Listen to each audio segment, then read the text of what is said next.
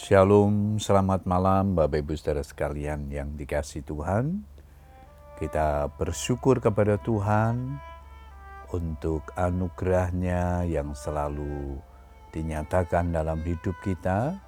Sepanjang hari ini kita sudah menikmati segala kebaikan Tuhan yang sudah memberkati keluarga kita.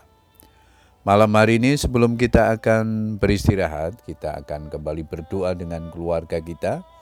Namun sebelumnya saya akan membagikan firman Tuhan yang malam hari ini diberikan tema ditegur dan dihajar Tuhan.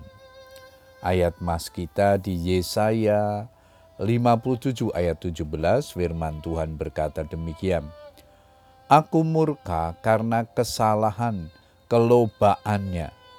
Aku menghajar dia, menyembunyikan wajahku dan murka, tetapi dengan murtad ia menempuh jalan yang dipilih hatinya. Cara Tuhan menggenapkan rencananya dalam hidup seseorang kadang tidak mudah untuk dimengerti.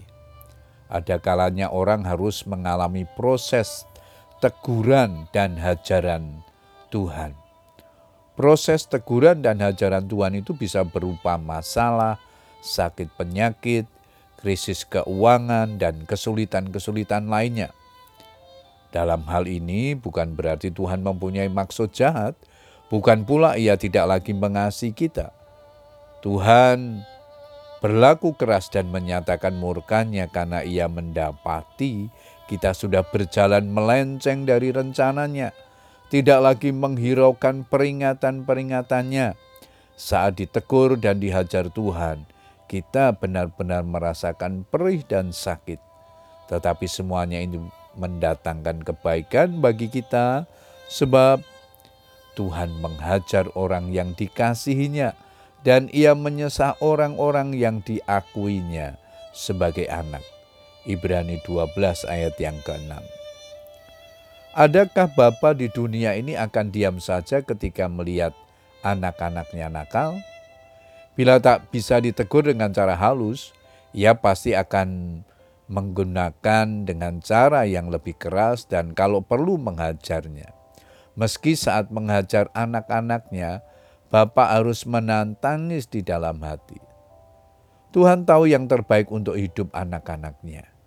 Tuhan menegur dan menghajar kita karena Dia tidak menginginkan kita binasa. Di balik teguran dan hajarannya, Tuhan punya rencana yang baik, yaitu supaya kita benar-benar menjadi ahli warisnya yang kelak hidup memerintah bersama dengan Dia di surga. Jelas sekali bahwa tujuan Tuhan menegur dan menghajar agar supaya kita tidak menjadi anak-anak gampang Begitu pula Tuhan menegur dan memperingatkan bangsa Israel, umat pilihannya. Karena mereka telah meninggalkan Tuhan dan bahkan beribadah kepada ilah lain.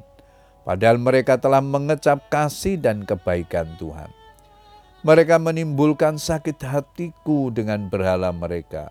Sebab itu aku akan membangkitkan cemburu mereka dengan yang bukan umat dan akan menyakiti hati mereka dengan bangsa yang bebal. Ulangan 32 ayat 21. Karena itu Tuhan harus mendisiplin mereka agar mereka terhindar dari bahaya dan malapetaka. Teguran dan ajaran Tuhan sering menimbulkan persepsi yang salah di dalam diri kita. Padahal di balik semuanya, Tuhan punya rencana yang indah untuk kita. Puji Tuhan, Bapak Ibu saudara sekalian, kiranya firman Tuhan yang kita dengar pada malam hari ini mengingatkan kita untuk terus berjalan di dalam kehendaknya, berjalan dalam tuntunannya, sehingga hidup kita selalu memuliakan dia. Apabila kita ditegur dan dihajar oleh Tuhan karena kesalahan yang kita buat, Berikan hati kita untuk mau dituntun dan diarm Tuhan. Puji Tuhan, selamat berdoa dengan keluarga kita. Tuhan Yesus memberkati. Amin.